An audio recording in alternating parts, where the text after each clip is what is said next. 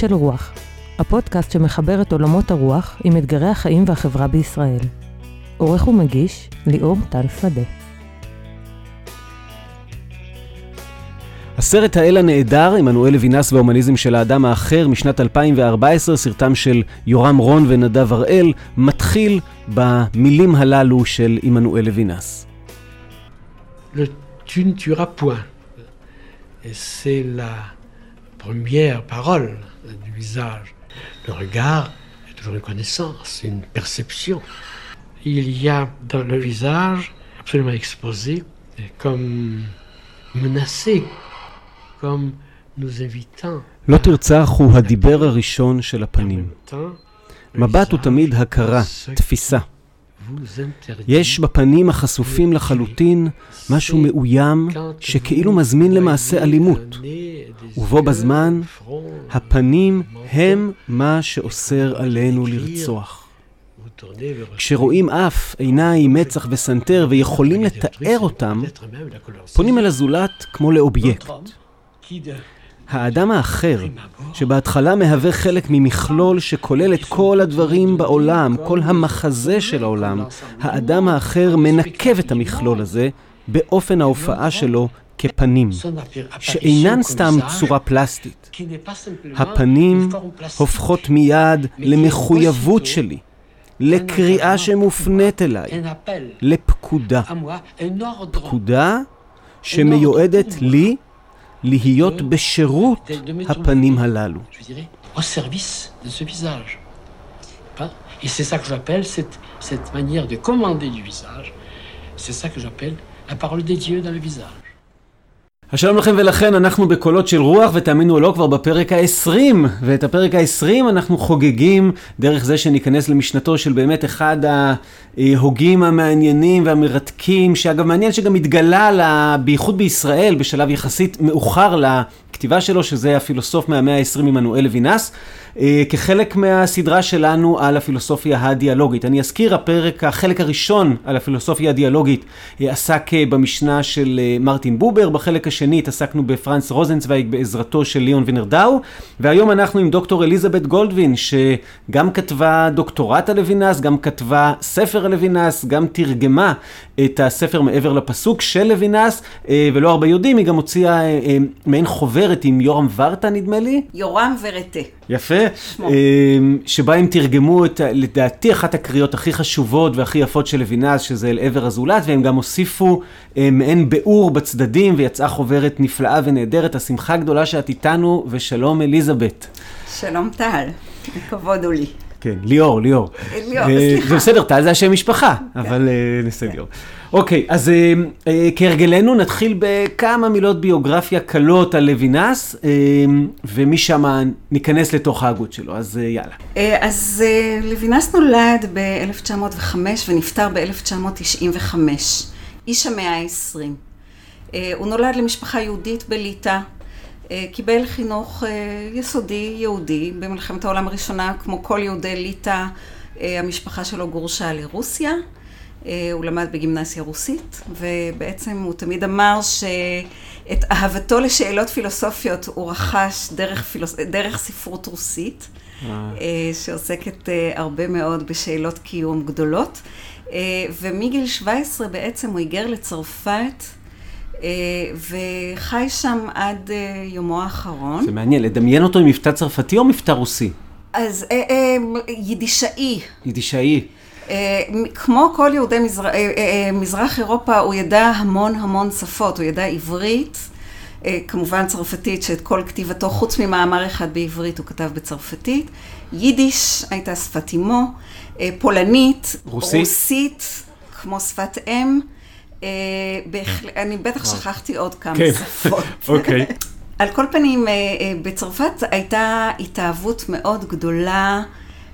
הוא הגיע אחרי הרהביליטציה של דרייפוס. צרפת היא שוויונית מאוד. הוא לומד באוניברסיטה בשטרסבורג ויש לו משם חברויות שיימשכו עד סוף ימיו. והוא מתאהב בצרפת ב...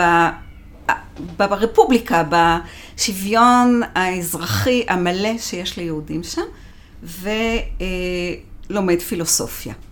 את הדוקטורט הראשון שלו הוא עושה בפרייבורג, דווקא בגרמניה. הוא שנה ב-1928, הוא בפרייבורג אצל הוסרל והיידגר, אה, וכותב את הדוקטורט הראשון שלו עליהם, ובעצם מביא את התורה שלהם הגרמנית לצרפת. הגרמנית הוא ידע גם שוטף לגמרי, כמו שפת אם. אה, ובעצם מאוד מעריץ את הדרך הפילוסופית של שני הפילוסופים הגדולים האלה. אה, והוא רואה בעצמו תלמיד שלהם. של הוסרל והיידגר? של הוסרל והיידגר. העולם של כן. הפנומנולוגיה, לא אמרנו את המילה הזאת, אוקיי, כן. כן, בדיוק. ואז אה, המשבר המכונן הגדול של לוינס כפילוסוף הוא ב-1933, כשהיידגר, כשהמפלגה הנאצית עולה לשלטון בגרמניה, והיידגר מצטרף למפלגה הנאצית ונושא נאום נאצי לכל דבר ועניין.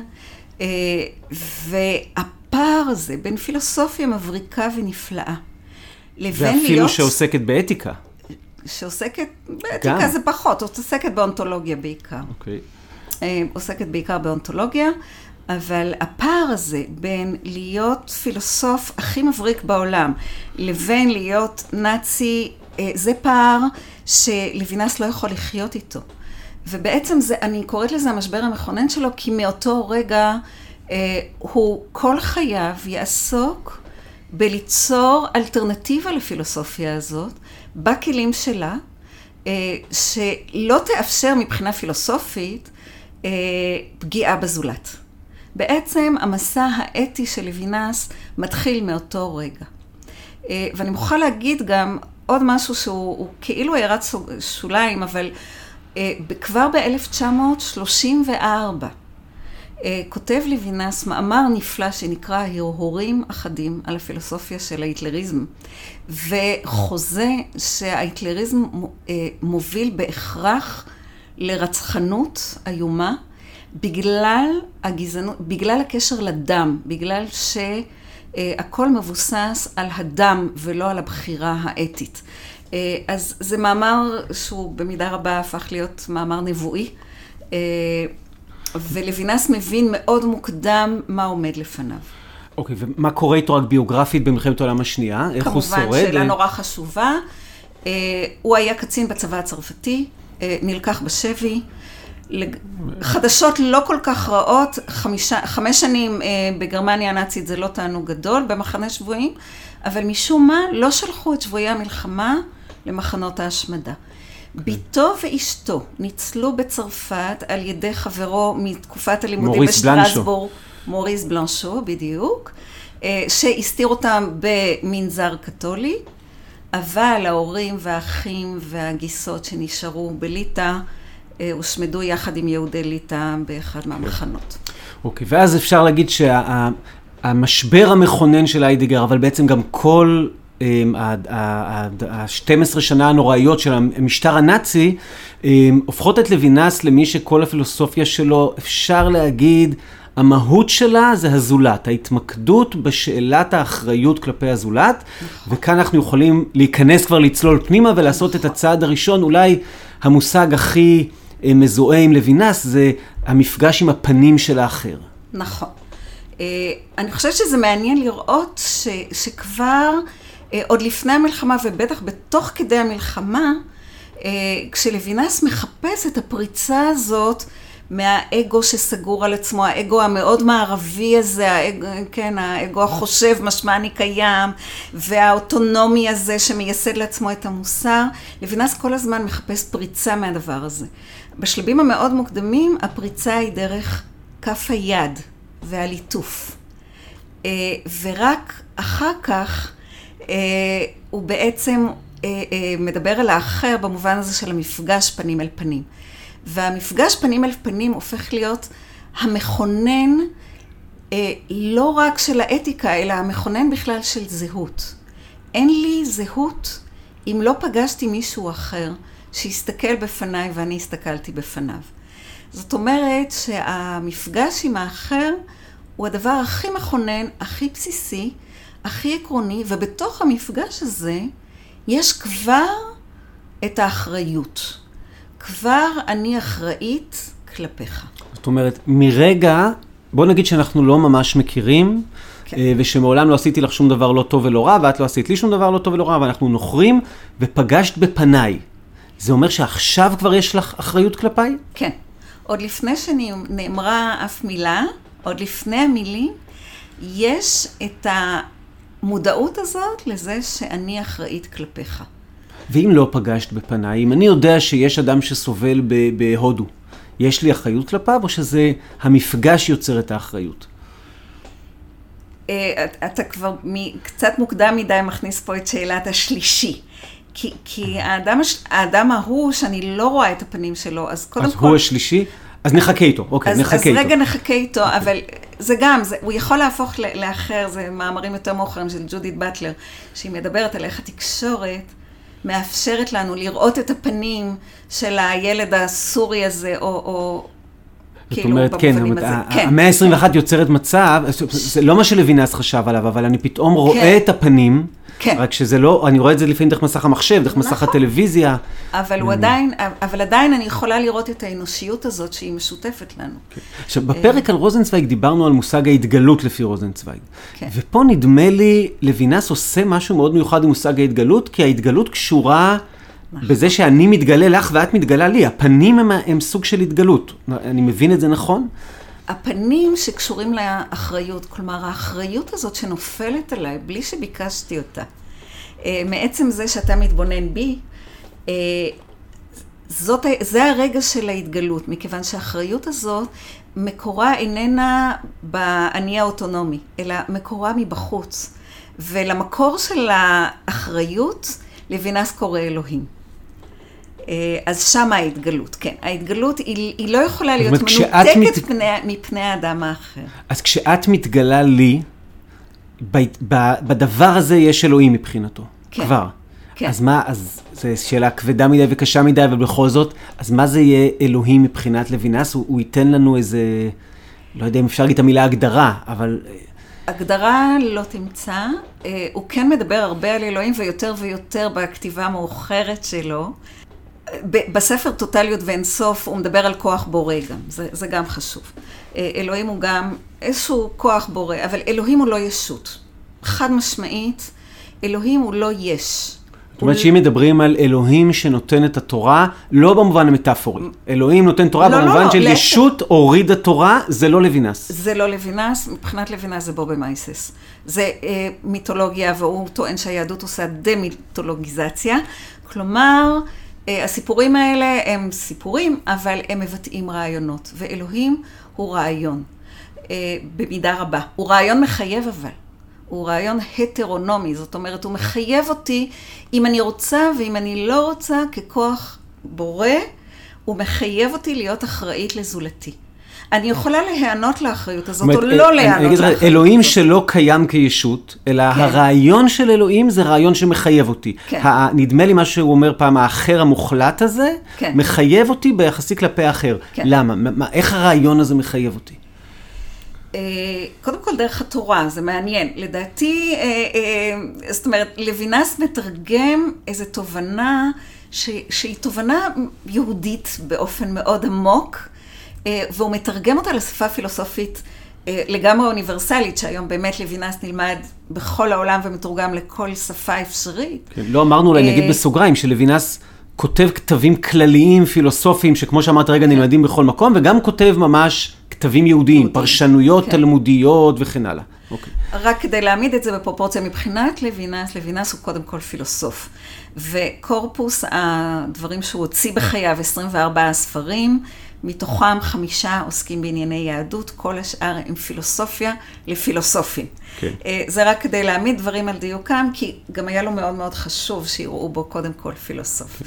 אבל אני חושבת, לא אבל, אני, עם זאת, אני חושבת שהוא רואה את השליחות שלו בלתרגם רעיונות יהודיים לשפה פילוסופית שהוא רואה אותה כשפה אוניברסלית. כששם המעמד הגדול זה של התורה או של התורה שבעל פה? כי אני מכיר לוינס בעיקר סביב התלמוד, ותלמוד פה. בבלי. כן. התורה הוא שבעל אומר, אנחנו קוראים, אנחנו היהודים קוראים תנ"ך דרך התורה שבעל פה. את זה הוא אנחנו מקבל לא מה- קוראים תנ"ך.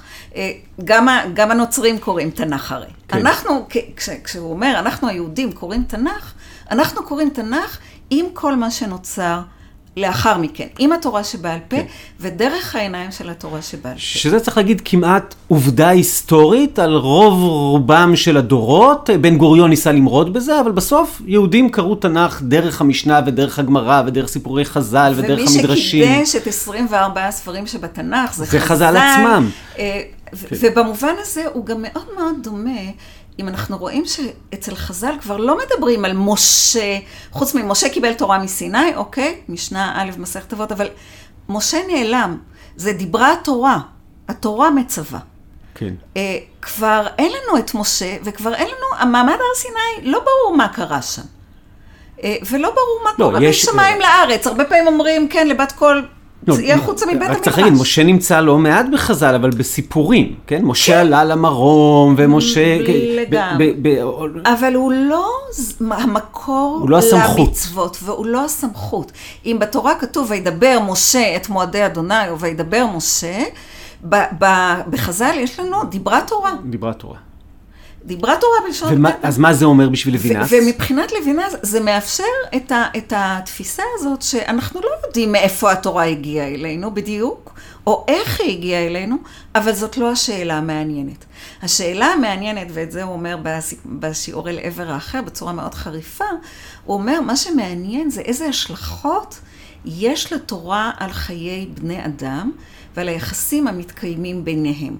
ואיך מייסדים מתוך זה חברה אתית, חברה צודקת. זאת אומרת, אנחנו רואים אצלו אה, ממש פרויקט של לקחת לפעמים דיונים חז"ליים שנראים בין לא קשורים לבין הזויים, ולהגיד, רגע, יש פה עומק עצום שקשור לאתיקה וליחסים בין אדם לרעהו, בואו ננסה אה, למשוך את זה משם, ל- ל- להבין את זה, והוא עושה, צריך להגיד, עבודה מדהימה בדבר הוא הזה. וירטואוז.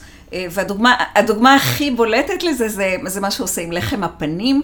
לחם הפנים, הלחם הקדוש שהיה עומד בבית המקדש ואומר, מה זאת אומרת לחם קדוש? זה לחם קדוש קודם כל מכיוון שבסוף אותו שבוע שהלחם עמד בבית המקדש אל מול פני השם, הוא הופך להיות מזון של הכוהנים.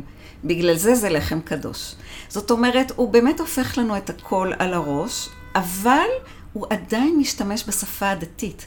הוא לא עושה רדוקציה אה, של הדת לאתיקה, או של בן אדם למקום לבן אדם לחברו. הציר של בן אדם למקום נשאר.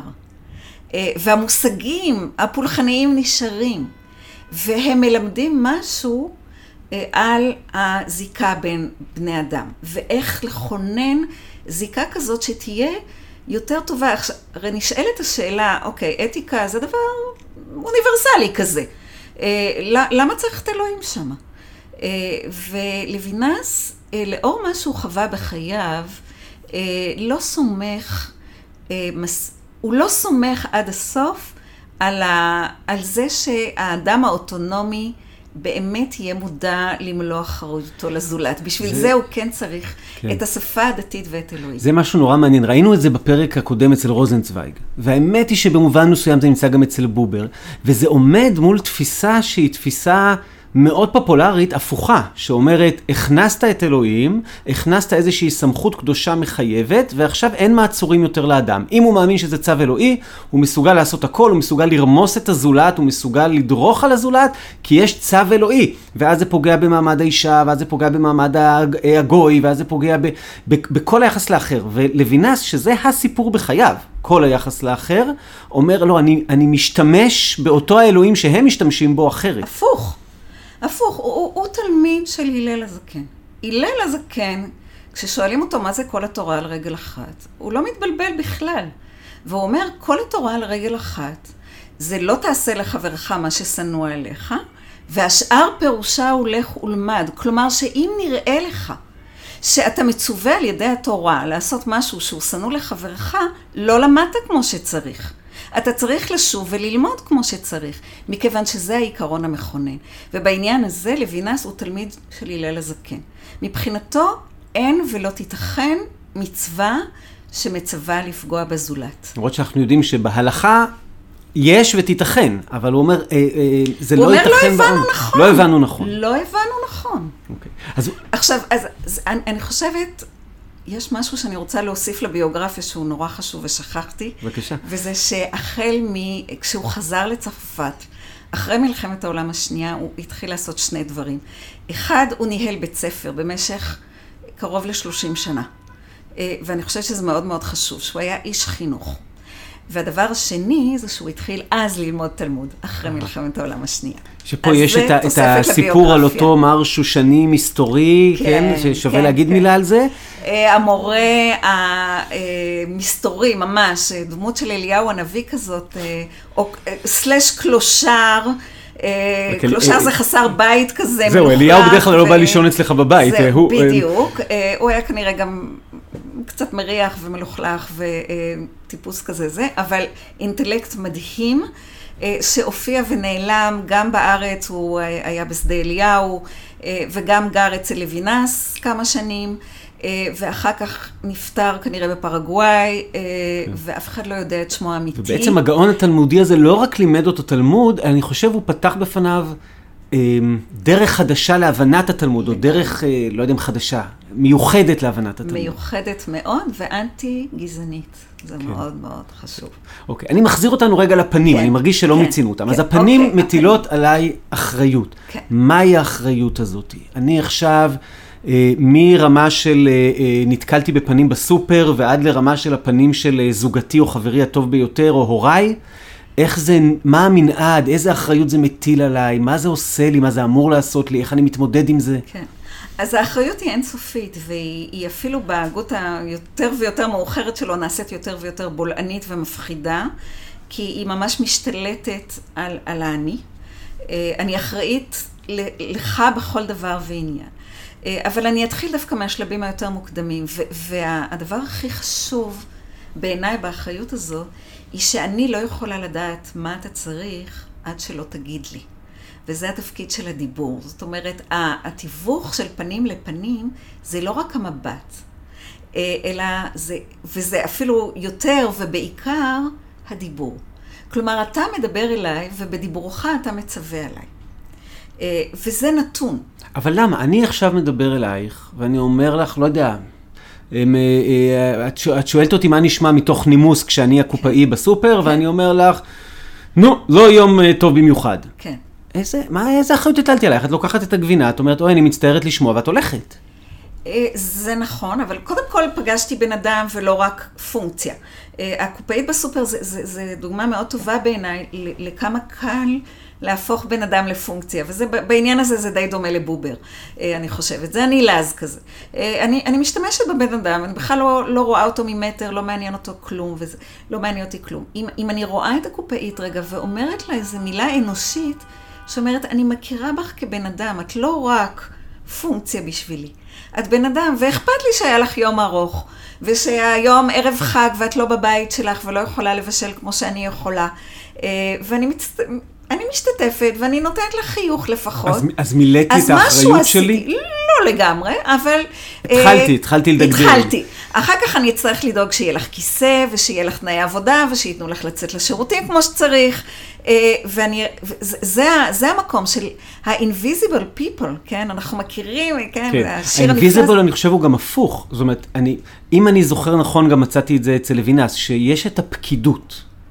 והרבה פעמים אני בא לקבל שירות, או בעצם אני זקוק לעזרה מהפקידות, והוא אמר, יש דמעות שפקיד לא רואה, או לא יכול לראות. נכון. אז- אז, אז, אז זה דרך אגב אה, כבר מכניס אותנו לשלישי. אבל במפגש, אני, אני רגע רוצה להישאר על המפגש הזוגי הזה, כי הוא מפגש נורא חשוב, מכיוון שבמפגש הזה מתקיימים שני דברים בו זמנית. הזולת או האחר שאני פוגשת בו, אתה או את, זה מאוד קונקרטי דרך אגב, זה אני פוגשת מישהו אחר. אה, ובמפגש הזה, אתה גם עליון עליי וגם נצרך ממני. כלומר, יש פה עניין של היררכיה. בשני המקרים שאמרת, אנחנו אה, לא שווים. בשני המקרים אנחנו לא שווים, ושני המקרים זה בו זמני, זאת אומרת, זה, זה, זה אותו אירוע. זה לא פעם אחת ככה ופעם אחת ככה, אהה. באותו אירוע שאני פוגשת, בוא נמשיך עם אותה קופאית, אה, שאני מתעניינת רגע במה שהיא. אז, אז היא מח, מחייבת אותי לאחריות במובן הזה היא מצווה עליי, ומצד שני היא נצרכת. היא נצרכת לתשומת ליבי, והיא נצרכת גם ליותר מזה, לזה שאני אדאג לה לזכויות אה, עובד. אה, ש, שזה המחויבות האמיתית. אז קורים שם שני דברים שהם בו זמניים, אה, וזה מאוד שונה מבובר. אם אצל בובר יש אחריות הדדית, יש איזו הדדיות, פה זה לא תלוי בהדדי. אה, זה לא הדדי. אה, אני אחראית ויש לי תמיד אחריות אחת יותר. הוא מאוד מאוד אהב את המשפט של האחים קרמזוב, של כולנו אשמים כל הזמן, אבל אני יותר מכולם. לגמרי נשמע יהודי טוב. אז זאת אומרת, אם אני מנסה כן. לדייק את זה, אמ, בובר יגיד במידה מסוימת נוצר שוויון בתוך יחסי אני-אתה, ולוינס יגיד השוויון אף פעם לא קיים, שוויון זה אשליה. יש מצווה ויש מצווה, יש אה, אה, מי שנצרך ויש מי ש... וזה יהיה אותו אדם, אבל נכון. שוויון זה לא. עכשיו, מה שלא אמרנו, ושאולי חשוב להסביר עד כמה המפגש הזה בין אני לזול, לאחר, הוא מפגש מכונן. מכיוון שאין שום משמעות לזהות בלי, בלי אינטראקציה עם מישהו אחר. אני לא יכולה להגיד אני, אם מישהו לא אמר לי את. זאת אומרת, האחר קודם לי, באיזשהו אופן מאוד עמוק. האחר הוא, הוא לפניי, ואנחנו יכולים להבין את זה מאוד בקלות דרך תינוקות, כן? Mm. דרך, דרך האחריות האינסופית שיש להורים, כן, נכון? השאלה אם זה לא מפריד לא בין מותנית... תינוקות לבוגרים. אה, לא, לא אצל לוינס לא, אצל לוינס לא. מעניין. אה, זאת אומרת, באמת הפרדיגמה שלו זה באמת אה, ההיריון. ההיריון שבו האישה בעצם, כנגד רצונה גם, גם אם היא לא רוצה, היא אחראית באופן מלא וטוטאלי לכל הצרכים של הזולת הזה שגדל בתוכה. בלי תלות, והוא לא אחראי כלפיה בכלום. בכלום, וגם אם זה על חשבונה, אנחנו יודעים הרי ש... מה זה גם אם? זה על חשבונה. זה על חשבונה. אה, אז, הוא אומר, זה הפרדיגמה, ככה, ככה זה אחריות. זאת האחריות האמיתית, והיא מכוננת. זאת אומרת, אין לי אני בכלל, בלי שיש לי איזושהי אה, אינטראקציה עם אנשים אחרים. עכשיו, אני חושבת שזה, זה, אי אפשר להגזים בחשיבות של התובנה הזאת. כי החשיבה המערבית היא כל כך חשיבה של קוגיטו ארגו סום, של אני חושב משמע אני קיים, של אני, אני והצרכים שלי והאגו שלי והקריירה שלי וה, וההישגים שלי. איך זה משרת אותי. שלי. ולוינס אומר, את, אתם פשוט לא מבינים, להיות בן אדם זה קודם כל להיות בזיקה. אין לנו קיום בכלל אם אין לנו זיקה. עכשיו, זה נכון גם ברמה הפילוס... הפילוסופית, אבל זה נכון גם ברמה הפסיכולוגית, והיום אנחנו גם יודעים באמת שזה, שזה מאוד עמוק. זאת אומרת, אם לבן אדם אין זיקות משמעותיות, הוא, הוא לא מתפתח. אבל כשאת אומרת זיקה, אני מנסה עכשיו, כי גם אנחנו אחרי בובר ורוזנצוויג. כן. אמ, הזיקה שיש בינך לביני, היא מטילה עליי פה קודם כל אחריות וכובד מוסרי, יותר ממה שהיא באה לבנות אותי כאדם, נכון? נכון. זאת אומרת, זה לא הדיאלוג הזה שדרכו אני נבנה. האחריות מגדירה אותי. בעצם אני, אני יכולה להגיד, אני דרך האחריות שלי. זאת אומרת, אם אני מסתכל, בפרק הראשון הקראנו איזה, איזה קטע על דיאלוג שאומר, האדם בונה את עצמו דרך מפגשים עם הזולת. אז נכון יהיה להגיד שאצל לוינס, שוב נפלת לאותו בור שמה שאכפת לך זה עצמך, ועכשיו אתה צריך להגיד, לא יודע, אני מסייע לזולת לבנות את עצמו, כן. תמיד הסיפור כן. הוא הזולת. כן. מעניין. והוא הולך עם זה מאוד מאוד רחוק. אז פה אולי הגיע הזמן כן להכניס את השלישי, הזכרנו אותו. פעמיים, השלישי המסתורי הזה, מה זה השלישי אוקיי. הזה? מכיוון שבדרך כלל בחיים אה, אנחנו לא בסיטואציה, אנחנו לפעמים בסיטואציות זוגיות, אבל אנחנו הרבה פעמים בסיטואציות שיש יותר מזולת אחד. וכשנכנס הזולת הנוסף, שזה השלישי, כן? פגשתי אותך, אבל הנה נכנס עוד בן אדם לחדר, הוא הבן אדם השלישי. ואז אני מוכרחה לחלק את אינסוף האחריות שלי ביני לבינו, ב, סליחה, בינך לבינו, אה, השלישי הזה.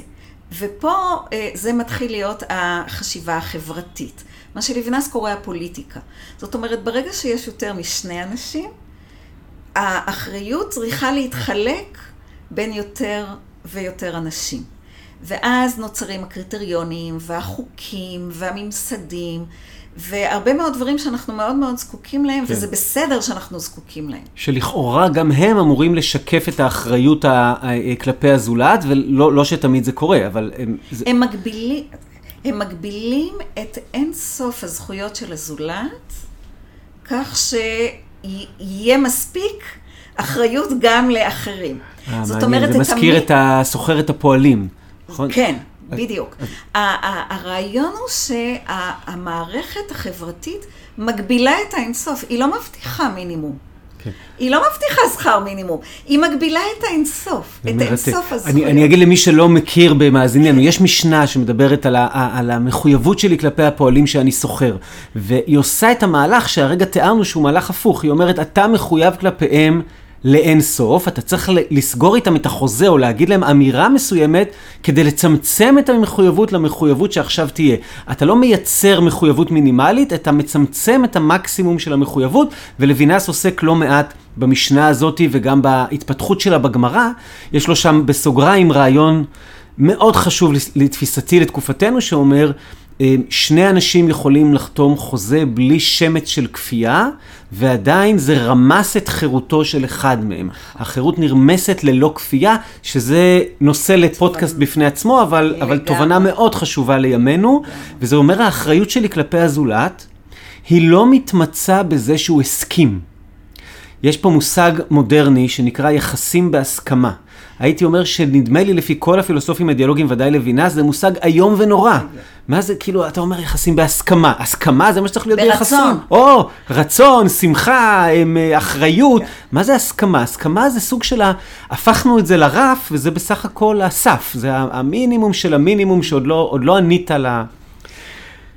אני רוצה רגע להגיד משהו על השלישי הזה, ועל החברה. אה, ועל ההבנה שמצד אחד חברה זה דבר מאוד חיובי, וזה דבר הכרחי. אה, אבל ברגע שאנחנו בתוך מערכת שיש בה חוקים ותקנונים, אנחנו כמעט תמיד פוגעים גם באינסוף הצרכים של פרטים מסוימים. ולוינס מדבר על הפוליטיקה שחייבת להיות תמיד כפופה לאתיקה. זאת אומרת שתמיד חייבת להיות ביקורת אתית על הפוליטיקה, על המנגנונים החברתיים.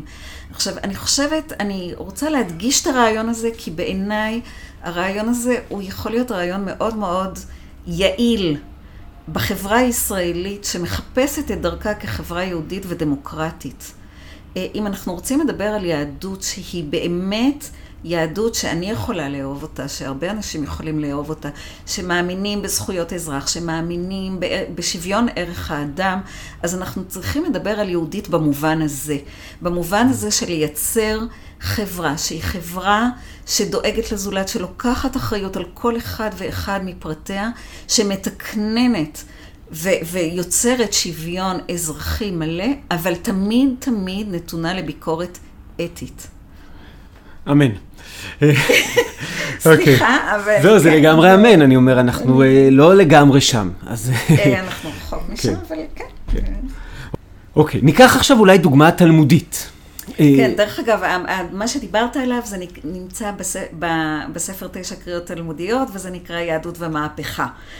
למי שרוצה לה, להקריא, כן, לקרוא הסוחרת הפועלים. הסוחרת כן. הפועלים, כן. אז ניתן פה איזה, איזה קרדיט לדניאל אפשטיין. הרב דניאל אפשטיין. כן. אז הרב דניאל אפשטיין הוא אחד ממומחי לוינס הגדולים, הוא המתרגם של לוינס, תראים שורה ארוכה של ספרים שלו, אה, הוא מורה של לוינס, אה, זכיתי כמה פעמים ללמוד אצלו קצת לוינס, והוא באמת נפלא ונהדר. ואגב, מעניין שהקריאה הראשונה שהוא בחר לשים בתשע קריאות תלמודיות, שהרי זה לא, הוא, הוא, הוא בחר את, את הסדר, אה, הוא לא? סליחה?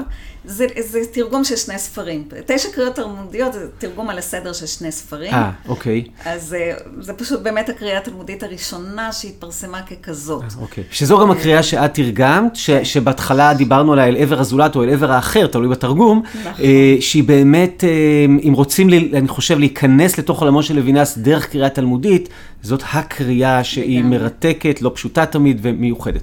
אז אולי ניכנס רגע לקריאה הזאת ודר... וניתן סיפור בתוכה, אבל קודם נגיד. אוקיי. אז אני רגע חוזר לקריאה התלמודית כן. ההיא של אל עבר הזולת. אמ, נגיד ממש על פחות מרגל אחת, יש את המשנה המאוד ידועה ממסכת יומא שאומרת שעבירות שבין אדם למקום יום הכיפורים מכפר, ועבירות שבין אדם לחברו אין יום הכיפורים מכפר עד שירצה את חברו.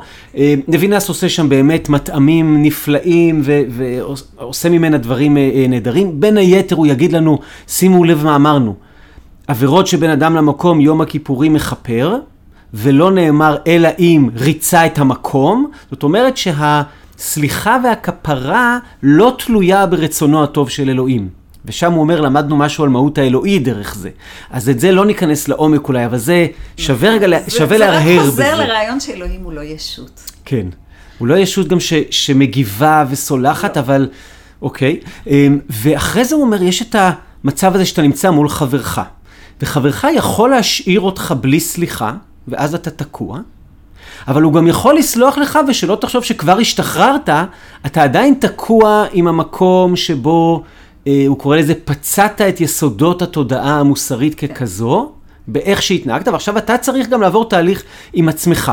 והוא יגיד לנו, אה, אנחנו זקוקים פה לקהילה, אנחנו זקוקים פה לעזרה, אנחנו זקוקים פה לטקס, וזה הדיאלקטיקה הזאת של הציבורי והאינטימי. גם של הציבורי והאינטימי וגם של הציר האנכי בין אדם למקום והציר האופקי בין אדם לחברו. זאת אומרת, זה לא בין, עבירות שבין אדם לחברו אין קשר למקום. מתכפרים עד שירצה את חברו. צריך בכל זאת את יום כיפור. זאת אומרת, קודם תרצה את החבר, אבל אחר כך אתה עוד צריך את יום כן. כיפור. וכמובן צריך את יום כיפור אצל וינה, זה צריך את התהליך שכרוך ביום כיפור. זה לא שזריחת השמש מביאה את הדבר, אלא אלא תהליך העומק, וזה לא רק אצלו, זה... תהליך התשובה, כן, כן. במלוא מובן המילה. אוקיי. כן. אז בתוך העיסוק בזה, הגמרא מביאה סיפור שנספר אותו עכשיו, שהוא סיפור קלאסי, תלמודי, ויש לו פרשנות מרתקת ללוינס. אז הסיפור הולך ככה, אני קורא את התרגום לעברית. רב היה לו דבר עם אותו שוחט. היה לו דבר, זה בדרך כלל אה, כינוי, זה הווה לי מילתא, זה, אה, יש משהו ביניהם, יש איזה סכסוך, יש איזה טינה, אה, משהו שלא נסלח. זה ביטוי סופר מדויק. יש עלבון גדול, אבל לא ברור מי גרם, מי הפוגע ומי הנפגע. יש ביניהם דבר, כן. שזה מאוד דומה למציאות. בדרך כלל, כשמישהו נפגע, שני הצדדים נפגעו. כן. זה מאוד מדויק. כן. היה להם דבר. אז רב היה לו דבר עם אותו שוחט. אגב, רב זה כינוי של מישהו ספציפי, זה לא איזשהו רב, אלא זה מישהו מסוים. לא בא לפניו. בערב יום כיפורים אמר הוא, אלך אני לפייס אותו. זאת אומרת, מה שקורה פה זה שבעצם רב, הרם מעלה, אחד מגדולי האמוראים, הולך לפייס את אותו שוחט שאפילו את השם שלו אנחנו לא מבינים, לא יודעים.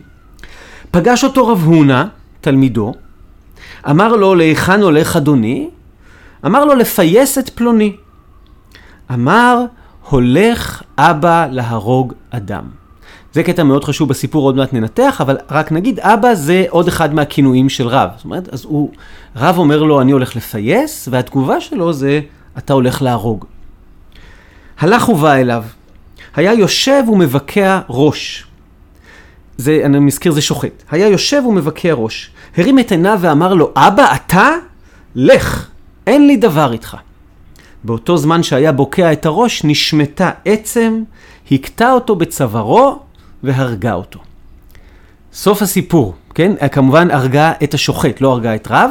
אז הנה סיטואציה תלמודית באמת חזקה ומרתקת, אפשר לדבר עליה שעות, וזכיתי לדבר עליה שעות מספר פעמים בשורה של קבוצות.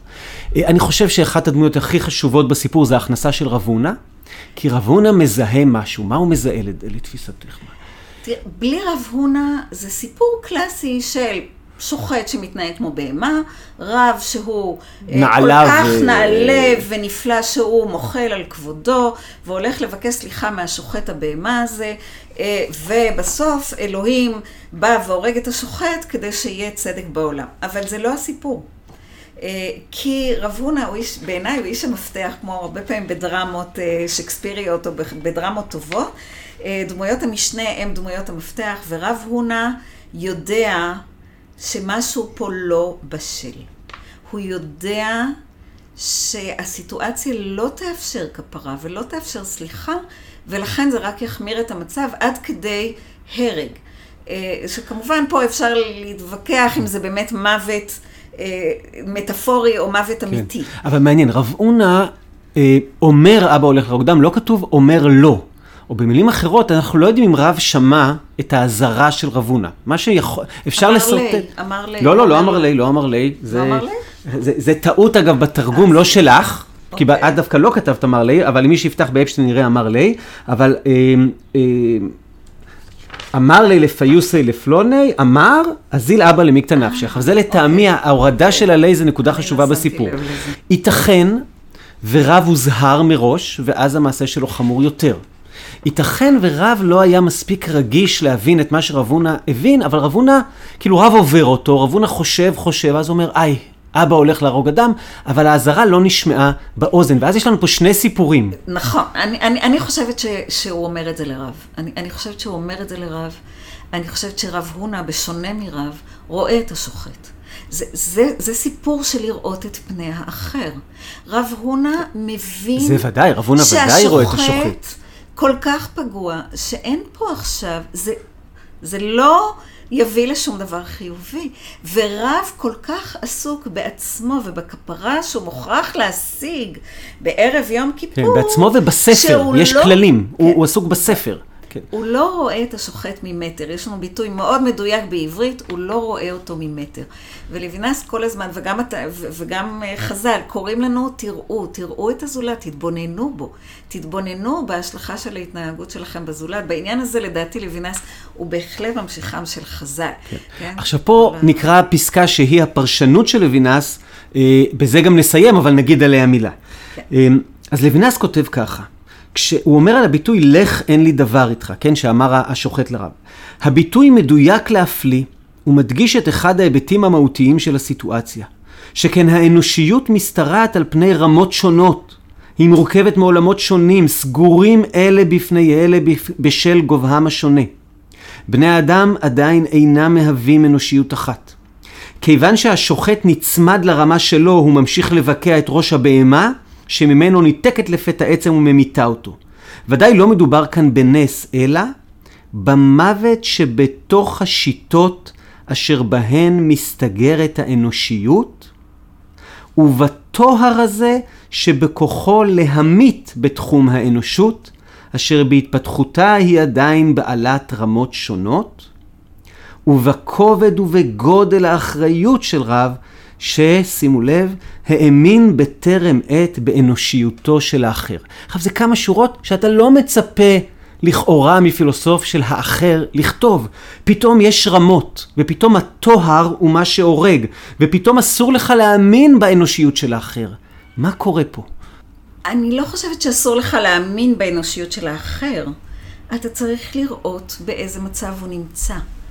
ואני הולכת לקפוץ עכשיו לאירוע הזוועתי שקרה שלשום, שבו שוטר ירה בנער, אה, שכנראה קצת התפרע, אה, נער ממוצא אתיופי. נער ממוצא אתיופי, אה, מה קרה שם?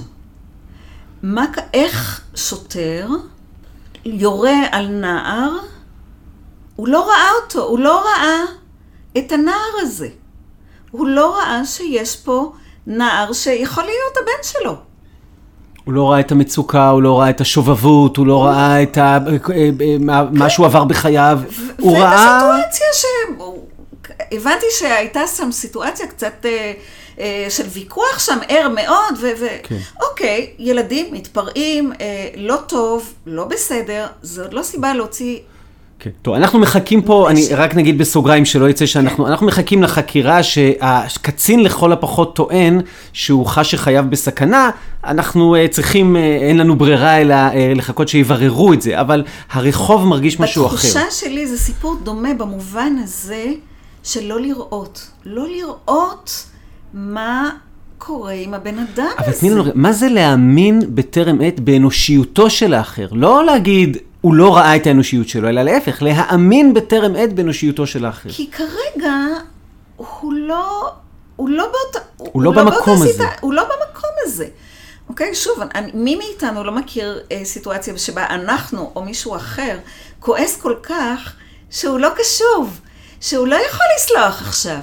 אה, ש, שהוא רק, ש, שכל מילה שתיאמר היא רק תסלים. אה, ו, ואנחנו צריכים להיות רגישים. בעצם גם חז"ל, ולדעתי גם חז"ל וגם לוינס, קוראים לנו, תשימו לב, תסתכלו בזולת, תסתכלו בפניו, ותסתכלו איפה הוא נמצא רגשית. שזה, זה אולי אחד ה... לא יודע, אחד מקווי העומק הנפלאים ביותר בחז"ל, שנמצאים לאורך כל התלמוד, של להצליח לראות אדם כפי שהוא. הונאת דברים, ו... זה הרעיון של הונאת כן. דברים. זאת אומרת, מה המילה שלי עושה לזולת? כן. ו- ולצערנו, אני חושב שלא מעט מלומדי התלמוד מצליחים איכשהו לפספס את זה, אולי כי מדלגים הרבה מה... על האגדות, והולכים ישר להלכה, וזה אחד אולי מהפרויקטים הכי מדהימים של לוינס, שהוא מצליח לזהות את כל המקומות האלה ולעורר אותם לחיים אה, בקריאות הנפלאות שלו. אה, קצת נגמר לנו הזמן, אבל אני מקווה שהצלחנו לעמוד על עיקרי הדברים. אליזבת, הרבה תודה. אה, תודה ליאור. והיה תענוג לשוחח איתך, אה, ולכם ולכן אה, המאזינות והמאזינים. תודה רבה שאתם איתנו, אה, ואני מקווה שהסדרה הזאת על הרעיון הדיאלוגי עם אה, בובר ועם אה, קצת הרמן כהן ורוזנצוויג ולוינס הצליחה קצת לדבר אליכם, לגעת בלבבות. אם אתם נהנים, אז כרגיל הבקשה היא, הפיצו הלאה וספרו לאחרים על הפודקאסט. והנה חדשות משמחות מאוד, במהלך השבוע הקרוב כל פרקי הפודקאסט יעלו לגלי צה"ל, ובשיתוף עם גלי צה"ל נעשה מעכשיו את הפודקאסט שיהיה, יעלה גם במקומות שבהם מצאתם אותו עד עכשיו. וגם אה, בגלי צה"ל ודרכם בספוטיפיי. אה, אז אה, יש, יש למה לחכות. הסדרה הקרובה תעסוק בפמיניזם. אנחנו נארח בה כמה דמויות חשובות. הראשונה שבהן תהיה מאיה רומן, המנכ"לית של פוליטיקלי קורט, וננסה קצת לראות את ההבדלים בין סוגים שונים של פמיניזם ואיך זה אמור להשפיע על החיים שלנו היום. אז זה החל מהפרק הבא, סדרה על פמיניזם, ובינתיים שיהיה לכם הרבה טוב ונתראה בפרק הבא.